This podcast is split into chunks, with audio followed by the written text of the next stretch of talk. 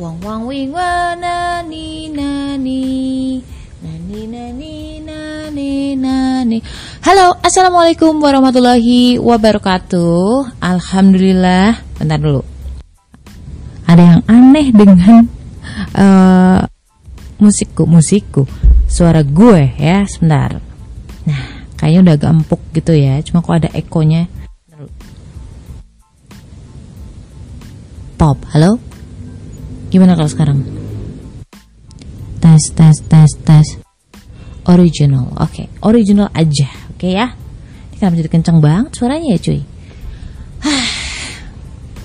Di era milenial zaman sekarang nih ya, cita-cita itu udah banyak berubah. Yang dulu kita mungkin cita-citanya adalah dokter, um, guru ya, atau misalkan ada juga yang petani ada yang tukang sampah. Eh serius loh aku pernah ketemu sama anak yang dia pengen jadi tukang sampah.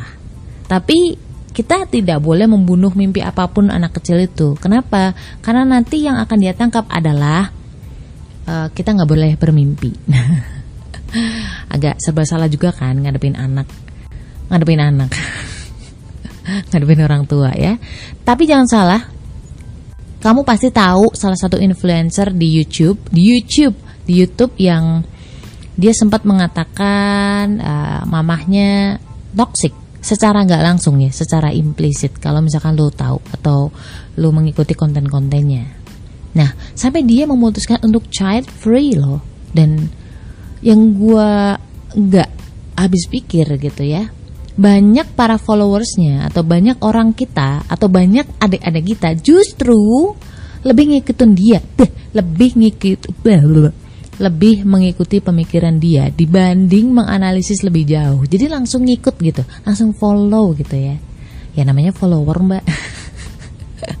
Tapi gini, nggak nggak menutup mata bahwa anak zaman sekarang, generasi zaman sekarang ini nggak cuma gue yang mikir, tetapi juga teman-teman gue, bahkan ada yang penelitian juga bahwa generasi zaman sekarang itu lebih rentan terhadap mental health ya.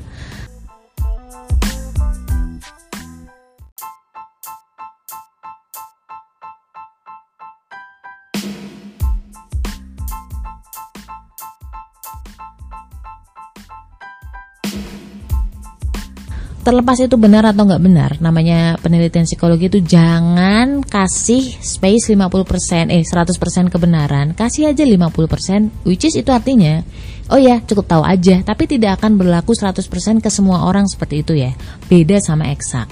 Ya itulah contohnya misalkan kayak uh, tadi influencer yang tadi dia disekolahkan ke luar negeri S1 ya di Jerman loh dan itu kan berarti mahal banget gitu kan. Dia masih bisa melihat bahwa orang tuanya adalah seorang yang toksik lu nggak tahu gimana zaman dulu ya yang biasanya tuh anak-anaknya digebugin uh, nakal dikit dijewer ya nggak nggak sopan langsung di apa ya kayak di sidang gitu kan. Nggak boleh pacaran kalau sampai pacaran sampai didudukin sama pacarnya dimarah-marahin gitu kan. Terus kadang makan itu cuma dikasih separuh piring harus berbagi dengan adiknya. Ada orang tua yang nggak bisa menyekolahkan anak-anaknya. Tapi walau alam ya, Allah membuat mereka menjadi pribadi-pribadi yang kuat gitu di generasi-generasi mungkin bapak kita ya. Anak ini nih si influencer ini dia disekolahin ya, dinikahin dan gua rasa orang tuanya tuh sampai se-struggle itu karena gue sempat melihat filmnya juga, film biografinya dia yang diangkat dari buku bukunya si rentang kisah. Tapi dia bisa melihat seorang ibunya itu sosok yang tidak memberinya privasi gitu. Yang sampai dia bilang bahwa secara implisit ya ngomong bahwa orang tuanya bukanlah orang tua yang sempurna. Iya sih, memang nggak sempurna. Tapi kalau sampai mengatakan toxic mom kayaknya agak-agak over ya. Kalau misalkan orang tua lo tuh toxic, percayalah padaku. Cukup sekali buang aja udah ditinggal gitu. Itulah orang-orang yang toxic orang-orang yang tidak mau bersabar menghadapi pasangan, menghadapi anak ya, menghadapi orang tua. Itu namanya orang-orang yang toksik, yang nggak mau sabar. Jadi mungkin bukan orang tuanya yang toksik sih. Kalau toksik kan tadi ya pasti dia udah dibuang gitu ke sawah gitu kan, atau di kepanti asuhan. Jangan-jangan memang anaknya yang toksik. Oke, okay, gue saat ini akan ngomongin tentang kenapa sih generasi zaman sekarang tuh katanya rentan depresi. Mungkin ini dari sisi sudut pandang gue pribadi dan juga dari pengamatan-pengamatan gue. mungkin beda dari penelitian-penelitian lo atau penelitian-penelitian teori-teori psikologi yang lain. But tidak ada salahnya kalau misalkan ini bisa bermanfaat buat lo, kenapa enggak? Oke? Okay? Gini, pada dasarnya manusia itu tuh mudah banget terinfluence ya. Misalkan gini deh, lo biasa uh, bareng-bareng sama orang-orang yang mabok gitu kan atau apa pun itulah. Alam sadarmu lu memang bisa kayak aku bisa kok gitu. Bisa tahan kok gitu. Tapi secara alam bawah sadar lo sebenarnya kamu secara nggak langsung tuh kayak membuatnya itu menjadi wajar ya. Sama juga ketika hmm, kamu terbiasa membaca segala sesuatu yang sifatnya negatif, buku-buku yang sifatnya negatif, yang kurang baik, termasuk komen-komen yang tidak baik. Kamu terbiasa mengonsumsi itu. Dalam alam sadar kamu, kamu seolah-olah aku baik-baik aja kok gitu ya. Tapi kalau kamu mau jujur, dalam hati kamu itu tetap ada rasa kayak terbesit-besit, terbesit. Tersobek-sobek dengan silet gitu.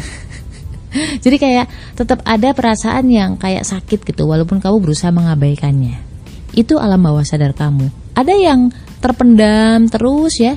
Nah, ini membuat kita rentan terhadap depresi, rentan terhadap rasa berharganya kurang gitu. Karena karena secara nggak langsung tuh ya, kamu mengiyakan hal yang kamu konsumsi terus-terusan. Jadi gini, teori bahwa sesuatu yang salah yang dilakukan terus-menerus, apalagi berulang-ulang dan dilakukan secara berjamaah, itu lambat laun akan menjadi sebuah kebenaran dan itu terjadi sama kamu ya.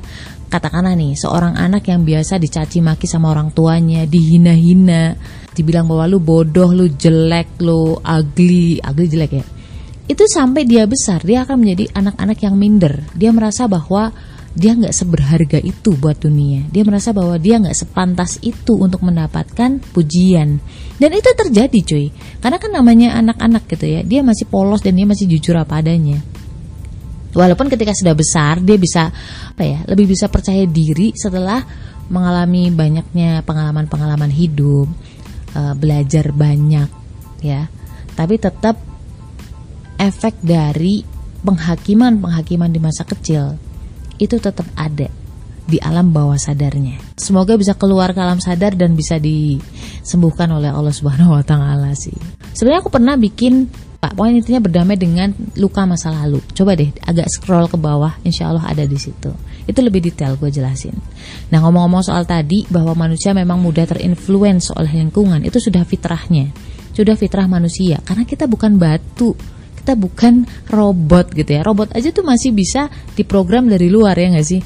Kita juga bukan batu yang uh, apa namanya yang seolah-olah tuh tidak bisa berubah. Batu saja nih, batu yang benda mati itu bisa terkikis lama-lama oleh tetesan air. Apalagi manusia yang hatinya itu seluas samudera, asik. Makanya di Islam itu bilang bahwa berkumpullah dengan orang-orang yang soleh nggak mungkin Allah atau Rasul memberi memberikan aturan atau menganjurkan sesuatu tanpa ada maksud atau iseng doang itu pasti ada hikmahnya kalau misalkan lu bergaul dengan orang-orang yang soleh ya insya Allah kamu akan ikut ke bawah gitu. Karena standar hidup kamu akan mulai lama-lama terinfluence gitu. Betapa pentingnya role model. Ini gue nyambung ke sini cuy. Karena dari kita zaman sekarang udah mulai kehilangan role model yang benar gitu ya seseorang yang kita idolakan itu berpengaruh sangat besar di dalam karakter eh di dalam pembentukan karakter hidup kita. Jadi di zaman dulu tuh ya di zaman sahabat Rasul itu ada Rasulullah Shallallahu Alaihi Wasallam ya nggak. Makin ke sini makin ke sini role model itu lama-lama hilang karena kita jarang banget uh, mendapati kisah-kisah para Rasul ya, kisah-kisah para nabi, kisah di zaman dulu. Padahal kalau misalkan kita bisa paham ya betapa besar influence atau dampak dari story, storytelling itu kamu pasti akan ketagihan untuk membaca kisah-kisah islami. Jadi itu pentingnya role model. Dan di zaman sekarang, role model kita apa coba? Ya, maaf maaf kata ya. Sebenarnya kamu tuh bukan bukan nggak boleh nonton drama gitu ya atau laki-laki yang menye-menye gitu. Enggak, tapi jangan konsumsi itu terus-terusan. Tetap jadikanlah orang-orang e, misalkan kayak Rasulullah, Bunda Khadijah, Aisyah dalam menghadapi hidup gitu loh. Biar nggak mudah kena mental. Karena sekarang coba misalkan ditinggal sepatu ketinggalan sedikit gitu ya atau sepatu nggak dibawain sama pasangan gitu kan. Kalau drama-drama Korea kan gitu ya tali sepatu aja diiketin gitu. Aduh please deh. Kalau misalkan nggak diiketin terus baper nangis-nangis kecewa terus surat gitu-gitu kan. Oh come on. Coba sekali-kali mikir beras gitu.